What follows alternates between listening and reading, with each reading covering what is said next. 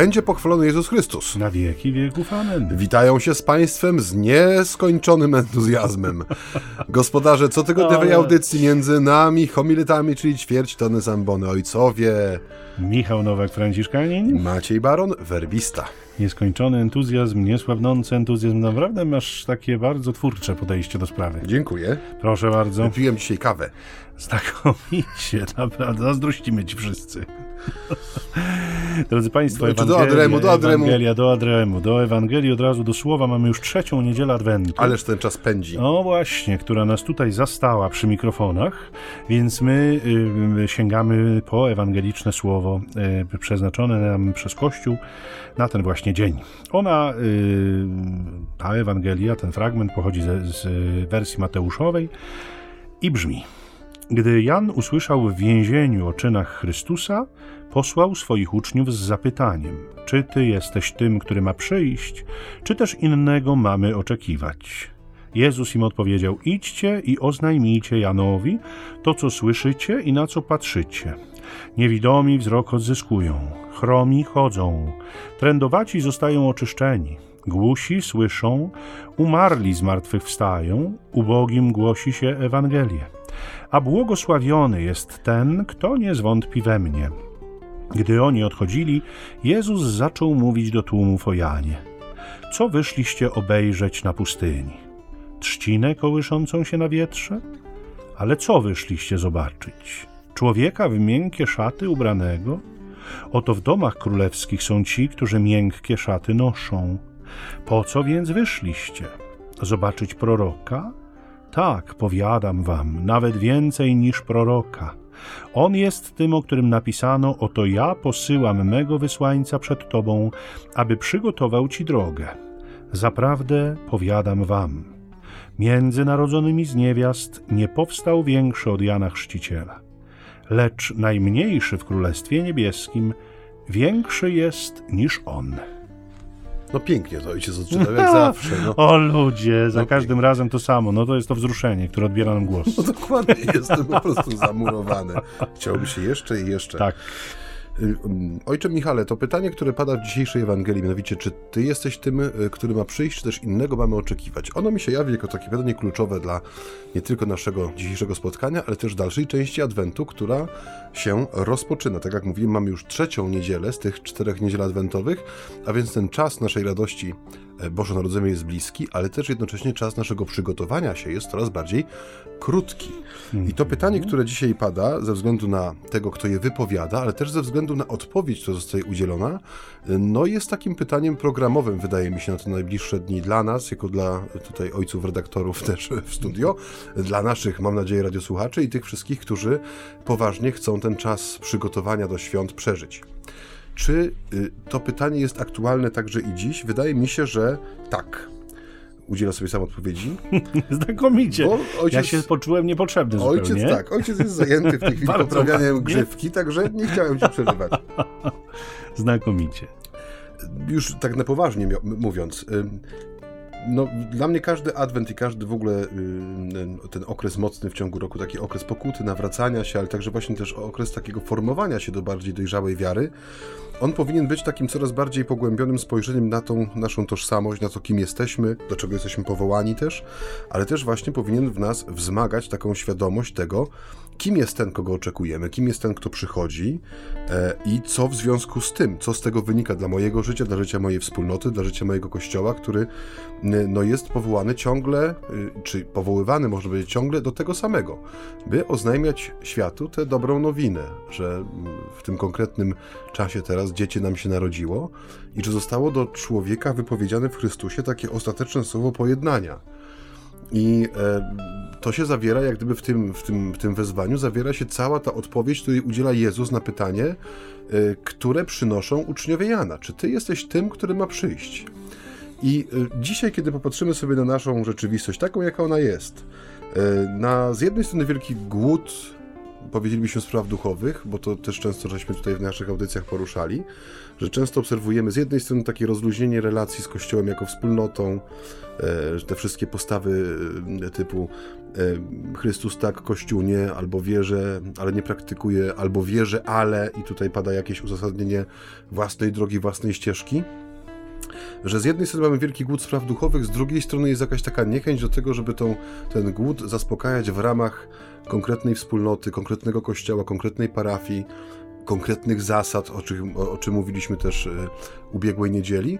I no, wydaje mi się, że ci, którzy chcą potraktować to wezwanie ewangeliczne poważnie, y, te osoby mają dzisiaj pewien problem z tym, żeby y, no, w sposób taki jednoznaczny, odważny, ale też w czasie taki zakorzeniony, czyli wytrwały, podejmować ten trud e, głoszenia tej prawdy, o której mówi Jezus dzisiaj w Ewangelii. Idźcie i odpowiedzcie mu. I tu padają te desygnaty, które mają odpowiedzieć Janowi na jego na nurtujące go pytanie. Właśnie a propos pytania Jana, to mnie intryguje i nie wiem, czy ty się tym zastanawiałeś, kiedy, kiedy czytałeś tę Ewangelię. Z czego ono wynika tak naprawdę? Czy ono jest efektem jego osobistego zwątpienia w tej trudnej sytuacji uwięzienia, w której być może, jak to więzień, jakieś strzępy informacji do niego docierają, być może e, są też różne dyskusje, debaty, może gdzieś tam e, izolowany zaczął e, cedzić te myśli, przecedzać je przez różne sita, może mu tam coś jednak e, jakby zaczęło świtać przeciwnego niż do tej pory, a, a propos Jezusa. Czy też na przykład to jego pytanie jest motywowane troską o uczniów, na przykład. Nie? Kiedy y, Jan wyczuwa, że jego życie zbliża się do końca, to chcąc dać uczniom bardzo jasny kierunek, taki kierunkowskaz, gdzie mają się zwrócić po jego śmierci, wysyła ich niejako ku Jezusowi, zwraca ich uwagę na Jezusa, stawiając takie pytanie, wobec którego Jezus y, Jan doskonale sobie zdaje tego sprawę, nie pozostanie obojętny, wypowie prawdę, e, co dla tychże uczniów, którzy zostaną osieroceni za chwilę przez Jana, może stać się naprawdę istotnym elementem ich dalszej formacji, takiego kierunku, w którym, w którym pójdą. To mnie jakby zatrzymało, że pozwolę mm -hmm. sobie tak wrócić do, do początku. No, y, Jan jest autorem tego y, no, najpiękniejszego z wyznań, chyba jakie można sobie wyobrazić na kartach e, obu testamentów mianowicie oto baranek Boży, który gładzi grzech świata. I to jest człowiek, który wskazuje własną ręką na Zbawiciela, na Mesjasza, na tego, który, który ma przyjść. Ale czyni to w kontekście, zauważ, że tu są takie dwie różne sytuacje. Że teraz mamy do czynienia z człowiekiem, tak jak mówisz, który jest zamknięty w więzieniu, czyli już nie jest prorokiem, którego otaczają uczniowie. Do niego nie przychodzą tłumy, tak, aby się chrzcić. Tak. Y, y, on ma y, wzrastać, ja mam się umniejszać, to są jego słowa. Więc zmienia się kontekst zupełnie. On traci jak gdyby, jeżeli nawet można powiedzieć, przepraszam, że teraz tak może trochę nagnę tą interpretację, jeśli rodziła się w nim taka pokusa, Albo inaczej, miał y, pytania co do tego, kim on no, właściwie mogła jest. się rodzić pokusa, no, no mogła. Boże. W Janie mogła się rodzić, mogła. Maryi się mogła rodzić, w Jezusie się rodziła. Ale nie chcę, no tak, ale nie się chcę rodziły wokół. rozwijać tego tak. wątku w tym sensie, żeby z niego czynić motyw przewodni, ale tak. Y, no mógł się zastanawiać, no skoro są te tłumy, jego słowa słuchają, jego znaki, w sensie ten chrzest, to, że on chodzi w taki, a nie sposób ubrany, że żyje na pustkowiu, ten styl życia przyciąga, w tym sensie staje się atrakcyjny, że gdyby chciało mu się powiedzieć, że tak, to na mnie czekaliście, to ja jestem tym, który wam objawi e, wolę Bożą i Bo Boży plan na, e, na wieki, aktualny i żywy, pewnie by za nim poszli. On tego nie robi, ale teraz zmienia się sytuacja. Był wierny prawdzie, tej prawdzie, którą głosił. Znamy tę historię. Trafia do więzienia. Tak jak mówisz, prawdopodobnie przeczuwa, że ten jego pobyt w więzieniu nie skończy się dla niego dobrze, ponieważ on od swoich poglądów nie odstąpi. I to wszystko jest, y, to co mówisz, prawdziwe, ale mnie y, zatrzymało na tym tekście zupełnie co innego. Zauważ, że Jan w więzieniu jest ewangelizowany. Jemu przynoszą słowo o Jezusie. I to jeszcze nie jest to słowo popaschalne, gdzie mając doświadczenie tak bardzo niezwykłe, uczniowie potrafili powiedzieć, idziemy łowić ryby, albo w ogóle się rozpieszcząć się, schować, zamknąć się w izbie na górze, barykadować się, mimo tego, że go spotykali, wciąż wątpić i tak dalej. Tu jest człowiek, który siedzi odizolowany, tak jak mówisz, wyjęty z swojego kontekstu. Nie ma uczniów, nie ma znaków, nie ma tego, no powiedzmy, takiego publicznego aplauzu. I nagle ktoś mu przychodzi, przynosi mu słowo, że ten, na którego ty wskazałeś, robi takie rzeczy, wypowiada takie słowa. Czyli jemu jest zgłoszona Ewangelia on spotyka pierwszych ewangelizatorów. I można powiedzieć, że oni ponoszą porażkę. W tym sensie, że tak jak mówię, ja myślę, że tak jak ty powiedziałeś, że tu bardziej przebija troska o tych, którzy są wokół niego, niż wątpliwości, które jego nurtują. Ale też można powiedzieć, że to pytanie, które Jan stawia, czy każe przekazać Jezusowi, no pokazuje, że bycie ewangelizatorem to nie jest taka kaszka z mleczkiem. Że przekazanie tego orędzia y, dobrej nowiny, że głoszenie Ewangelii to nie jest najprostsze z zadań, które człowiek może sobie wybrać, któremu y, będzie chciał się poświęcić.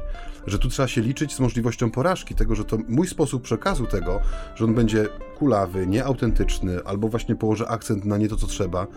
I, I ten, którego ja chcę ewangelizować, on zostanie z tym pytaniem, czy naprawdę ten, którego mi głosisz, jest tym, który miał przyjść, czy ja mam się zacząć rozglądać za jakimś innym Mesjaszem, innym Zbawicielem.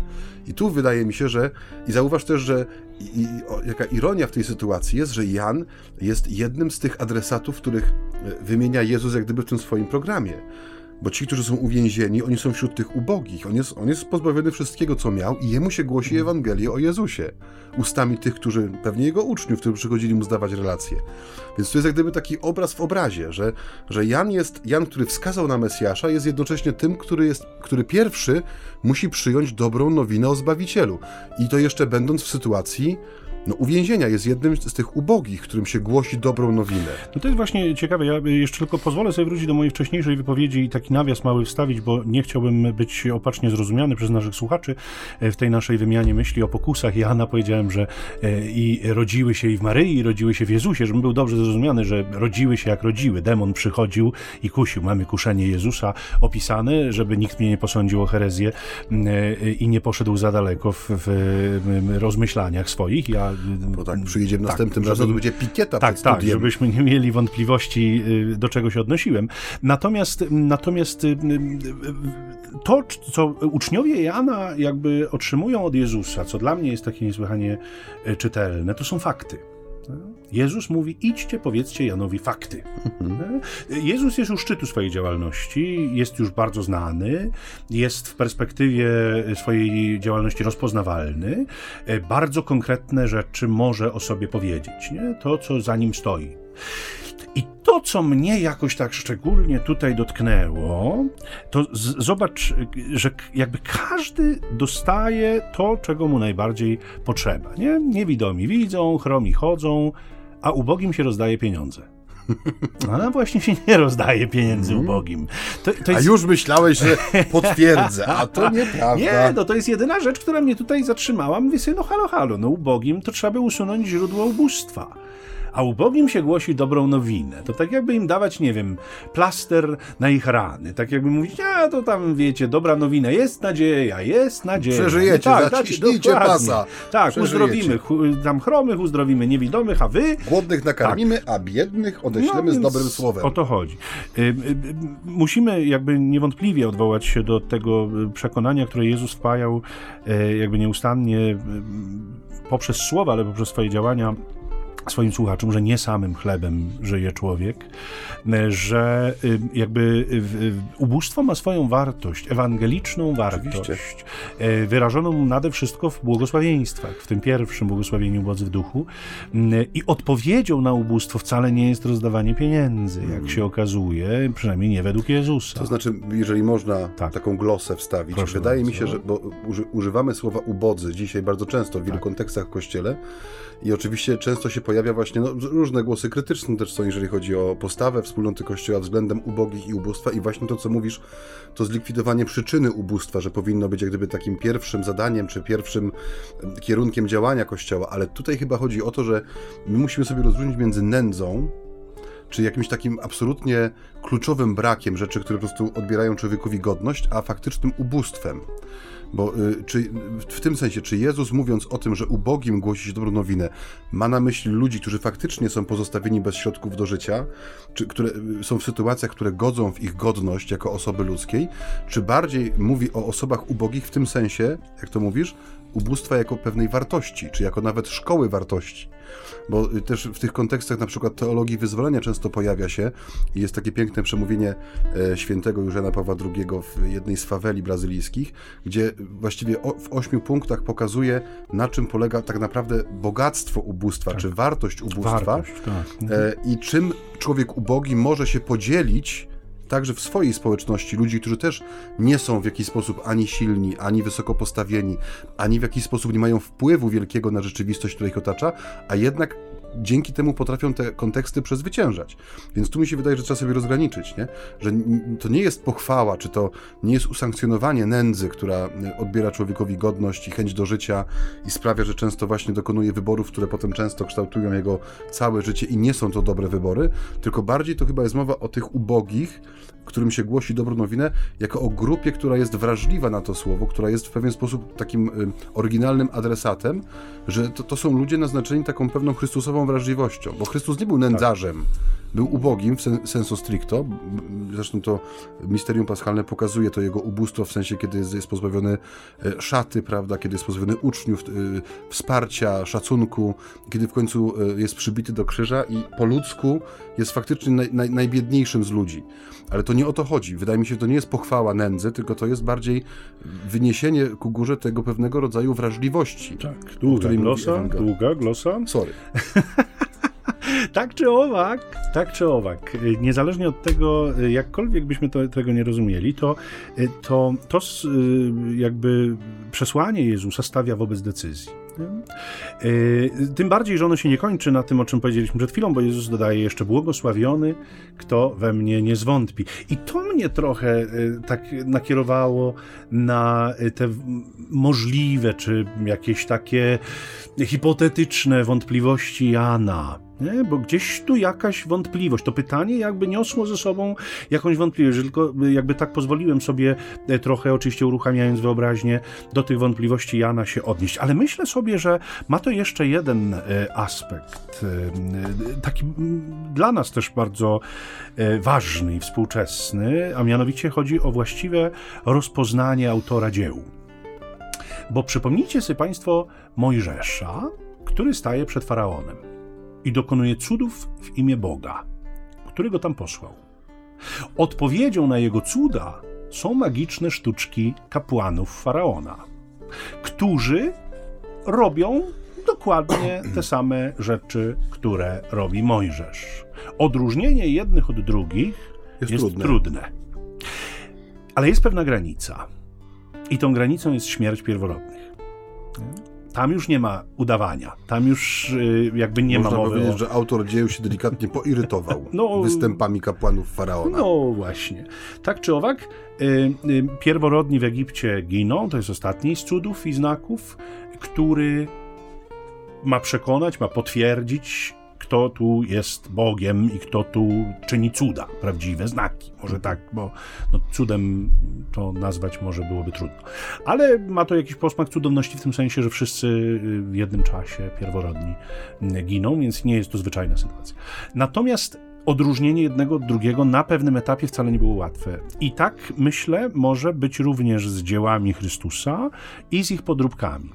Z działaniami choćby uzdrawiającymi, które czyni Jezus, po to, aby w ten sposób budować Królestwo Boże, aby je objawiać, aby je zbliżać, aby ludzi do Niego zapraszać, jak i tymi cudownościami, czy pseudo-cudownościami, może tak by trzeba było je nazwać, które czyni demon, współcześnie również, e, który bywa nazywany częstokroć małpą Boga, udawaczem, e, kłamcą, który posuwa się do tego, że używa bardzo podobnych metod, środków, e, jak Bóg, po to, żeby e, zwieść. To mogą być uzdrowienia, to mogą być jakieś cuda inne, których tam dzisiaj może nie będziemy tu jakoś wymieniać, szczególnie będzie w tym rzecz.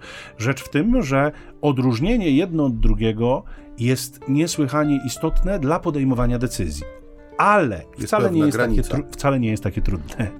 Wcale nie jest takie trudne, bo właśnie jest ta granica. Granica, w której Bóg już nie zabiera życia, ale granica, w której Bóg oddaje życie dla człowieka. I tu jest clue, tu jest istota wyboru Chrystusa.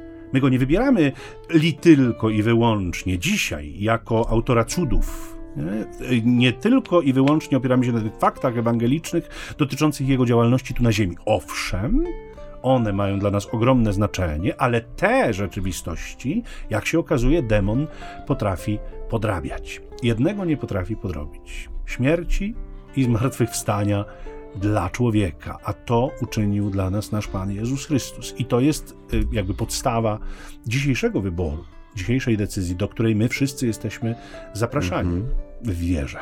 Tak jest. To może po krótkiej przerwie muzycznej będziemy kontynuować nasze glosy.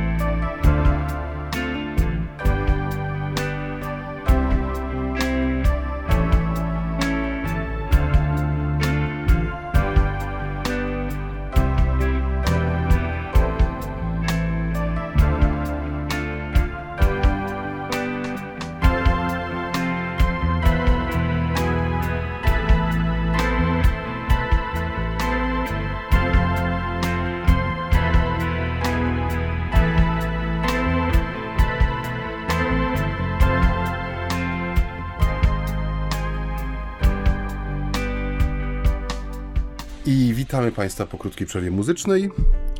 Y, jesteśmy dzisiaj w takim bardzo specyficznym momencie, tak jak przed chwilą ojciec Michał to e, zaznaczył, że dotknęliśmy pewnego clue, czyli sedna e, sprawy i e, właściwie też, no, wydaje mi się, że znów sedna tego czasu mm, Adwentu, bo on no, jest nazywany czasem radosnego oczekiwania, ale według mnie on powinien być też takim czasem świadomego wybierania Chrystusa i odróżniania czy rozeznawania właściwie tego, dlaczego tak, go wraca wybieramy. ten wątek, wraca, rozeznawania. Tak. Proszę bardzo. A, mam kontynuować. Tak, tak, nie, nie, tak. tak, tak. No i tutaj, e, e, no dla mnie, tak jak Ci mówiłem już w poprzedniej audycji, taka pewna bezrefleksyjność, która dzisiaj, no nie wiem, czy jest wymuszona tym trybem naszego życia, czy, czy modą taką na to, żeby mm, włączyć się w ten pęd świata, no, że jest to jakaś kontrpropozycja, czyli jak gdyby no, kościół, kościół, który wskazuje w ten sposób na Chrystusa, tak jak mówisz, że pozwala odróżnić wszystko to, co jest podróbką Pana Boga od autentycznego działania Bożego e, w historii, że taki Kościół dzisiaj staje się swego rodzaju znakiem sprzeciwu, bo tak jak mówisz, dzisiaj bardzo łatwo jest ulec także wielu takim, no, można powiedzieć, e, no nie chcę powiedzieć tutaj właśnie tym, no, imitacją, ale może, można użyć tego słowa, taką, takim imitacją e, Bożego działania, w tym, w tym takim poszukiwaniu niezwykłości. Ono też czasami jest trochę w kościele obecne, nie wiem, czy się zauważasz to. To jest pytanie, po coście przyszli zobaczyć? Dokładnie, na co przyszliście popatrzeć. Mhm. I, to, I to jest, no bardzo istotna jest odpowiedź na to pytanie, tak samo jak istotna jest odpowiedź na pytanie, za kogo mnie uważacie że jeżeli nie będzie w nas takiego rzeczywiście głębokiego i świadomego przekonania, żeby dać odpowiedź na to pytanie, kogo ja przyszedłem zobaczyć, na kogo chcę patrzeć, tylko będzie właśnie odpowiedź, która będzie gdzieś tam pomykała bokiem. I tak jak mówię, w takim poszukiwaniu różnego rodzaju niezwykłości, niesamowitości, albo inaczej, ciągłej nowości, bo to też jest taki głód, tak. że tego, nie wiem czy y, E, czy zauważyłeś to, że no, bardzo często my idziemy teraz jako Kościół, też jako wspólnota i to są niekiedy fajne inicjatywy, ale w tako, takie stopniowanie bodźca. Że kiedyś na przykład sensacją było, że nie wiem, ksiądz zagrał na gitarze w kościele, nie? Tak. Potem sensacją było, jeśli na przykład zamiast tej gitary był, był, była perkusja i schola, która ubarwiała, czy tam uświetniała, chociaż mszy świętej się nie uświetnia, bo to też walczę z tym mm-hmm. zwrotem językowym, ale która tam przygrywała do mszy. Dzisiaj często w czasie mszy no, pojawiają się różnego rodzaju takie uatrakcyjniacze, czy to potężny telebim, który oprócz tekstów y, y, mszy pokazuje jakieś obrazki, animacje, tak. obrazy, wprowadzenia czy wyprowadzenia z liturgii. Y, jeżeli jest jakieś spotkanie, to już musi być profesjonalna scena, potężne nagłośnienie, światła. Y, no, idziemy gdzieś w tym stopniowaniu. Z jednej strony rozwój zawsze jest dobry. W, znaczy w sensie inaczej, nie każdy rozwój jest dobry, ale no, postępowanie naprzód w pewnych dziełach no, wiąże się z tym, że skoro w tym roku robiliśmy to powiedzmy we, we trójkę, to w przyszłym roku możemy taką akcję organizować w 10 osób już będzie więcej pomysłów, więcej środków, więc to nie jest złe. Ale coś w tym jest, że mamy takie, takie pragnienie i często za nim idziemy, żeby było głośniej, więcej, bardziej. I, i, I Adwent kładzie jak gdyby raz, że jest takim czasem no, wyciszenia. Mnie się zawsze bardzo podoba ten obraz tej liturgii roratniej, tej takiej prawdziwej, nie, nie w sensie nie gdzieś tam e, odprawianej raz w tygodniu, tylko że cały adwent, kiedy się chodzi z tymi świecami, z lampionami tak. i kiedy jest ta cisza w kościele, kiedy rzeczywiście uświadamiamy sobie, że to nasze oczekiwanie jest takim oczekiwaniem pełnym napięcia, że my z jednej strony mamy poznawać tego, który przychodzi, ale z drugiej strony to właśnie ten czas, czas czekania sam w sobie ma wartość, bo on nas nastraja do pewnej wrażliwości, że wyciąga nas trochę z tego świata, świata który jest nastawiony na ciągle głośniejsze, jaśniejsze, szybsze bodźce, że tu jest coś zupełnie, tak jak mówisz, tu jest coś zupełnie innego, tu jest to pytanie, na coście przyszli popatrzeć. Uświadomienie swoich, swoich własnych oczekiwań. Myślę, to jest Czego niesłychanie ważna rzecz, nie? bo y, rzeczywiście y, y, dzisiaj myślę sobie tak, że, że y, to wiele razy zresztą powtarzałeś i myślę, że tutaj też na tej antenie to wybrzmiewało, że choćby jeśli chodzi o kaznodziejstwo, mamy dzisiaj wielu kaznodziejów w stylu baw mnie. I takie jest też oczekiwanie wśród słuchaczy, żeby jeden przebijał następnego w ilości dowcipów, w ilości jakichś tam przykładów, w ilości czegoś tam jeszcze innego. I te oczekiwania rosną y, wobec powiedzielibyśmy zupełnie drugorzędnej strony całego przedsięwzięcia, bo y, jakby oczywiście jest jakieś grono ludzi, którzy zwracają uwagę na istotę rzeczy, czyli na przekaz, na słowo, na to co on mówi, ale jest cała masa ludzi, którzy, y, jakby dla których liczy się bardziej to jak, nie? Ten, ten, ten, zewnętrzny strój, ten płaszcz. I to oczywiście jedno z drugim musi być połączone, co do tego nie ma wątpliwości, choćby najlepsza treść podana w anestezjologiczny sposób y, wywoła skutek anestezjologiczny, prawda? No, czyli posną wszyscy, czy, czy, czy no jakkolwiek inaczej. To ma swoje znaczenie jedno i drugie, aczkolwiek y, pytanie, coście przyszli zobaczyć, pogłębiane jeszcze, czy, czy, czy poszerzane przez inne, y, nie, ludzi, człowieka w miękkie szaty odzianego, trzcinę wiejącą, czy, czy chwiejącą się na wietrze, jakby Jezus używa obrazów, które, które mają uzmysłowić ludziom ich potrzeby wewnętrzne, nie? które mhm. ze sobą przynoszą.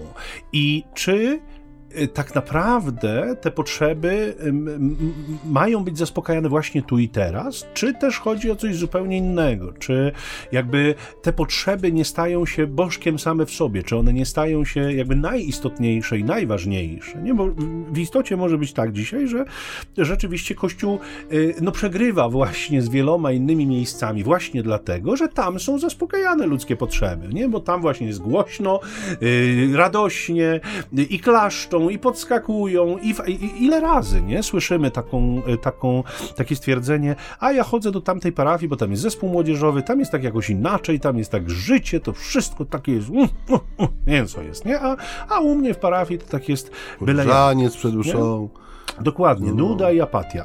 Więc nuda. jakby nic dla tych dzieci się nie nic, robi, nic, nic, zupełnie. Także te potrzeby zaczynają jakby górować nad istotą, nad, nad treścią, nad tym, co jest najważniejsze tak naprawdę, nad faktami, które przynosi Jezus, bo On w tej najmniej atrakcyjnej parafii przychodzi dokładnie tak samo na ołtarz, jak i w tej najcudowniejszej, najwspanialszej. Pod tym względem nic, absolutnie nic tych parafii nie różni. To taki, mogę głosy Proszę znowu? bardzo. Taki właśnie, e, a to nie chodzi oczywiście o krytykowanie zespołów czy czegokolwiek tak, tak. z oprawy, ale tkwi mi z tyłu głowy taki obrazek z konfesjonału skądinąd e, sprzed paru lat e, kiedy cała, cała celebracja Eucharystii była podporządkowana no, zespołowi i liderce uwielbienia, która była gdzieś tam z boku prezbiterium. I kiedy przyszedł ten moment najważniejszy z ważnych, czyli moment przeistoczenia i tego, właśnie tak jak mówisz, że Chrystus przychodzi na ten ołtarz w tym kościele i, i w każdym innym, gdzie sprawuje się Eucharystię, jeden z członków zespołu zaplątał się nogą w kabel i pociągnął za element perkusji, który runął, ciągnąc za sobą inne. Więc uwaga wszystkich w kościele, w tym momencie naprawdę najważniejsze, ja, ja obserwowałem po prostu ruch głów E, ludzi klęczących w ławkach. Jak, jak plankton w morzu, wszyscy oczywiście, no to naturalne. naturalne. Jest potężny hałas, jeszcze zwielokrotnionym przez nagłośnienie, jest zamieszanie tych ludzi, bo w pierwszej chwili nie, nie, nie, nie, nie co się dzieje, tak? Czy coś się wali, czy coś się pali. I, i dopie- no i ksiądz, y, który celebrował, był niewzruszony, w sensie nie zatrzymał celebracji, nie zatrzymał przeistoczenia, nie poczekał, aż to się pozbiera, dokończył. I dosłownie może dwie, trzy osoby z przodu rzeczywiście miały oczy utkwione w tym, co się dzieje na ołtarzu, a reszta była jak gdyby uwięziona przez te bodźce akustyczne zbierania tego sprzętu, który się posypał. Wiadomo, wypadek każdemu się może zdarzyć, ale mnie to zostało gdzieś z tyłu głowy właśnie, czy my nie wprowadzamy sobie do, do najważniejszego momentu w naszym życiu jako e, Kościoła, czyli Eucharystii. Rzeczy, tak jak mówisz, które są bardziej realizacją pewnej oferty czy zapotrzebowania, które wzięło się zupełnie spoza tej przestrzeni sakralnej. Mhm. Ja mam taką, e, ja mam taką też e, obserwację, no często z racji tego też, że jestem nie tylko proboszczem, ale też e, przełożonym i czasami też ekonomem, dużo jeżdżę po sklepach różnego rodzaju, żeby no, zrobić zaopatrzenie dla domu i widzę, że rzeczywiście są ludzie, którzy w tym, dużo tych sklepów ma cały czas włączoną muzykę, jest jasne światło, jest taki trochę taki psychodeliczny klimat zwłaszcza w okresie przedświątecznym. Mm. Ja zauważyłem, że są ludzie, którzy po prostu chodzą z tymi wózkami między tymi regałami. Oni są na zakupach.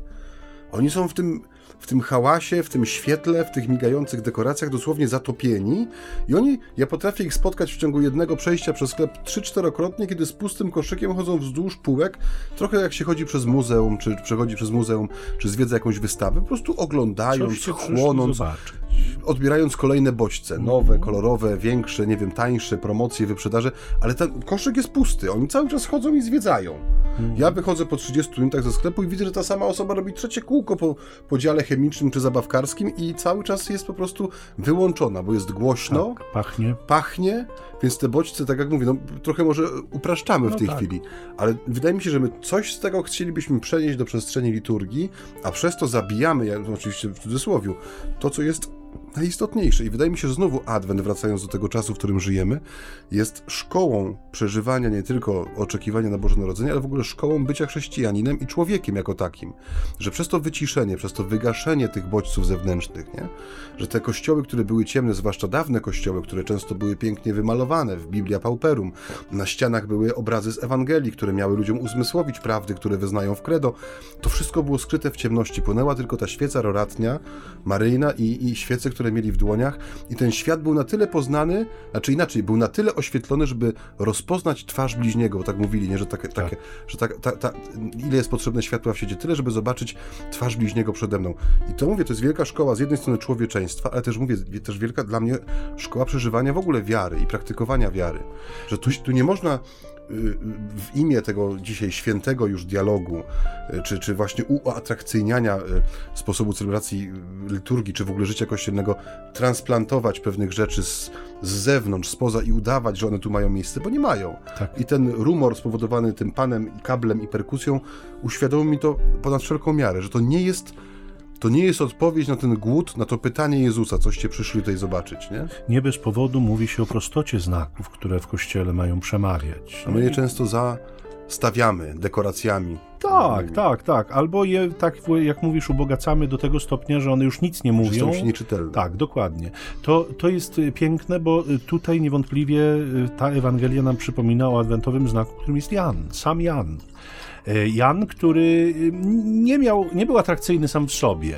On był, powiedzmy, owszem, y, powiedzmy, jakoś tam nietypowy, inny był, tak, to tak, ale, ale to nie był człowiek, na którym oko odpoczywało, że tak to ujmę bo y, był rzeczywiście takim, powiedzmy sobie, dzikusem żyjącym na pustyni, żywiącym się szarańczą, żywiącym się miodem leśnym, e, no prawdopodobnie mało uczesanym i mało ogarniętym, e, w jakichś tam dzikich e, miejscach, ostępach urzędującym, a odziewającym się w skóry wielbłądzie.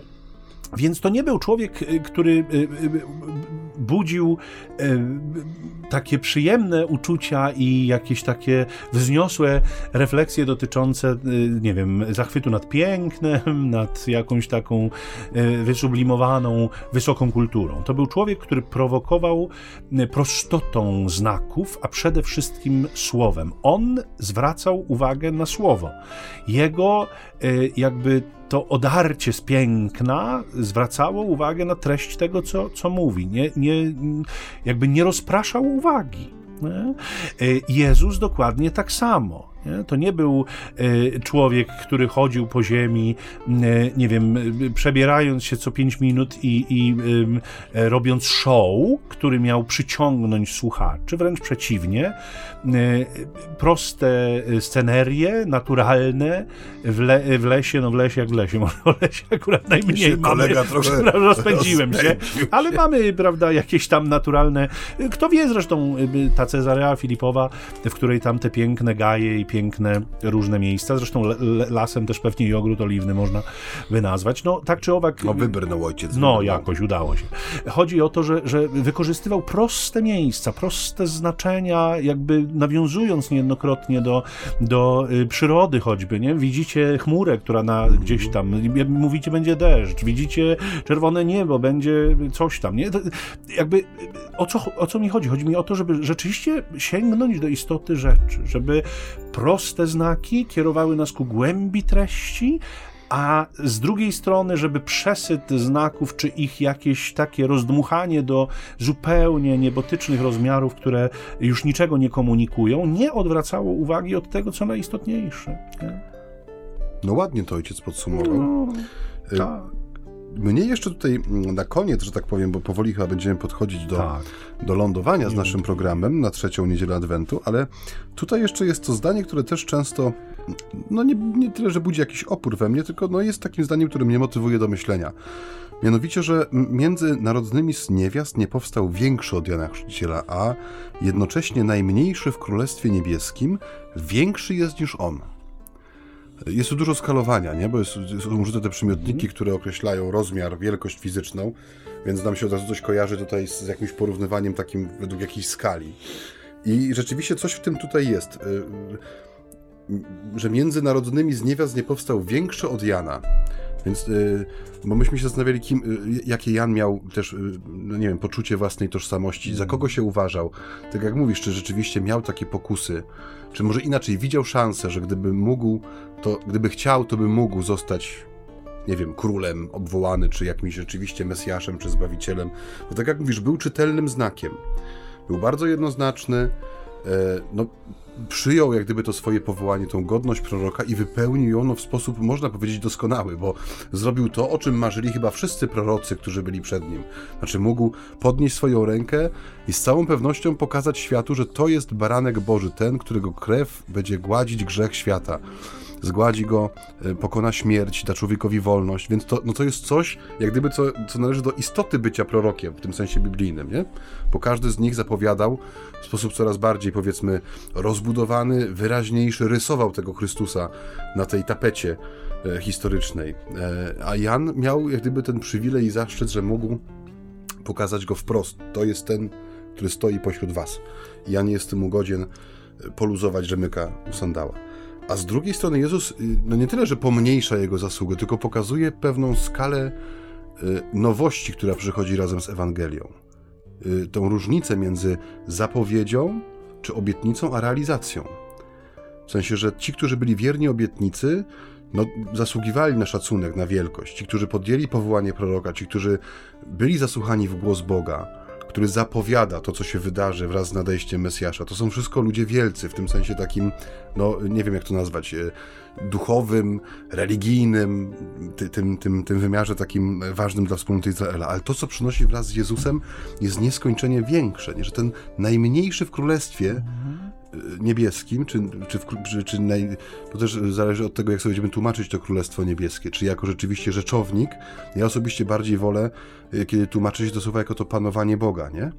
Że ten, który, czyli najmniejszy spośród tych, którzy wchodzą jak gdyby w tą przestrzeń królowania Chrystusa, czyli też w misterium paschalne, czyli w bliskość krzyża, ofiary z siebie, tego rzeczywistego ucieleśniania Ewangelii sobą, że oni są o tyle więksi od Jana, że oni już żyją nie tyle obietnicą, ile jej spełnieniem.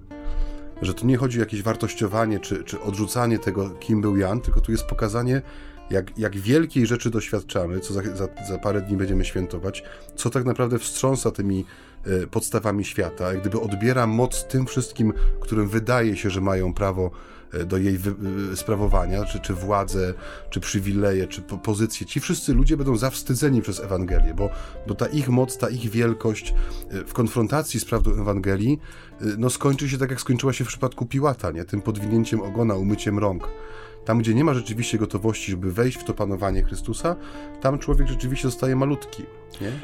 Mówisz o tym, że Jan miał przywilej wskazania na Jezusa, ale Jezus też wskazuje na Jana i pokazuje, objawia jego rolę. No dzisiaj nie można już było tego jaśniej powiedzieć. On jest Eliaszem, który miał przyjść przed Mesjaszem i przygotować na to świat. Jeśli chcecie, to przyjmijcie. I myślę, drodzy Państwo, że tak rzeczywiście puentując, warto te dwa kierunki zbadać w sobie, bo Adwent jest takim czasem, w którym musi paść pytanie o Mesjasza w moim życiu. Musi paść pytanie o to, kim on jest, czy gdzie on jest w moim życiu, tak już przestrzennie, jakoś, nie, jak, jak on się plasuje, jakie on ma miejsce, kto rzeczywiście realnie jest tym Mesjaszem. A druga rzecz, może warto zwrócić uwagę na Eliaszów, na tych, którzy mnie przygotowują na spotkanie z moim Panem, na tych, którzy są w jakimś sensie drogowskazami w moim życiu, prorokami. To oczywiście nie muszą być tylko kapłani, ale, ale cała pewnie rzesza ludzi, którzy w jakiś tam sposób nie wiem, starali się nad moją wiarą, czy dzisiaj są dla mnie istotni w tej przestrzeni, w tej rzeczywistości, pokazują mi jakby wartość, prawdziwą wartość Boga. E, może cudownie by było też i w tej niedzielę uczynić taki ukłon wobec nich, jakiś dzień wdzięczności, nawet nie tyle mm, jakby doceniając, czy choć można rzecz jasna bezpośrednio podziękować, ale może w modlitwie, nie? może w takim dziękczynieniu za to, że Pan Bóg daje nam takich ludzi, którzy w bardzo prosty sposób objawiają nam Jego samego, nie? że stawia nam na drodze świadków, stawia nam na drodze Eliaszów, stawia nam na drodze tych, którzy nas przygotowują na spotkanie z Nim. Zarówno to codzienne spotykanie się z Nim, jak i to ostateczne spotkanie z Nim, bo, bo tam wielu z tych, którzy nas w wierze wychowywali, już na nas czeka. E, przeszli już do życia i i my dziś może jesteśmy winni wdzięczność, a w swoim czasie mamy szczerą nadzieję, że ucieszymy się wspólnie oglądaniem tego, na którego przyjście w tym adwencie ponownie i ciągle i wciąż czekamy. Zarówno na to e, wyrażane przyjście poprzez y, uobecnianie tajemnicy wcielenia ponowne, przeżywanie Bożego Narodzenia, jak i na to ostateczne przyjście, które się jeszcze w historii, rzeczywiście w tym, w tym czasie, który przeżywamy, y, dokona. No, spuentował ojciec całą naszą tutaj audycję teraz. Chyba, Chyba może tak. już czas. Tak Ja już nie mam właściwie nic do dodania. Bardzo mnie to cieszy, bo to tak jak było ostatnio ze mną. Także mm -hmm. tak vice versa i vis a vis i inne jeszcze różne takie sformułowania. Francuskie zwroty. E, ojcze Macieju, dziękuję e, ojcu za udział w tej audycji z ojcem. Ale też chcę ojcu serdecznie podziękować. Bardzo przyjemnie się tutaj gawędzi. Państwu bardzo dziękujemy za obecność przy radioodbiorniku, bo to bez Państwa bez tej audycji nie było. To my jesteśmy My sobie gawędzimy niemal codziennie z ojcem Maciejem, że zdradzę takie tu sekrety. Jesteśmy na linii, mamy tam sobie... Mamy czerwony telefon. No, mamy częstokroć wiele do powiedzenia sobie o różnych rzeczach, e, ale tej audycji bez Państwa z całą pewnością by nie było i nie byłoby jej bez tych, którzy nas tutaj do studia wpuścili. Więc wszystkim dziękujemy, jak już dzień Bo nie weszliśmy siłą, nie. nie weszliśmy siłą. Jak już Dzień Wdzięczności, to Dzień Wdzięczności. Cieszymy się, że możemy być w Waszych domach gośćmi i możemy Wam trochę e, opowiadać o tym, co dla nas ważne ważne. E, na ten dzień i wieczór żegnają się z Państwem ojciec Michał Nowak-Franciszkanin i ojciec Maciej Baron-Werbista. A jak zawsze żegnamy się błogosławieństwem na ten święty dzień niedzielny. Niech Was błogosławi Bóg Wszechmogący, Ojciec i Syn i Duch Święty. Amen. Amen. Dobrej nocy, dobrego, I dobrego dnia. dnia. Tak, ojciec i dobrego, ja się taki jestem predylekcję w kierunku nocy. Na tę noc, ale i dnia dobrego i cudownej niedzieli. Pokój dobro. Amen.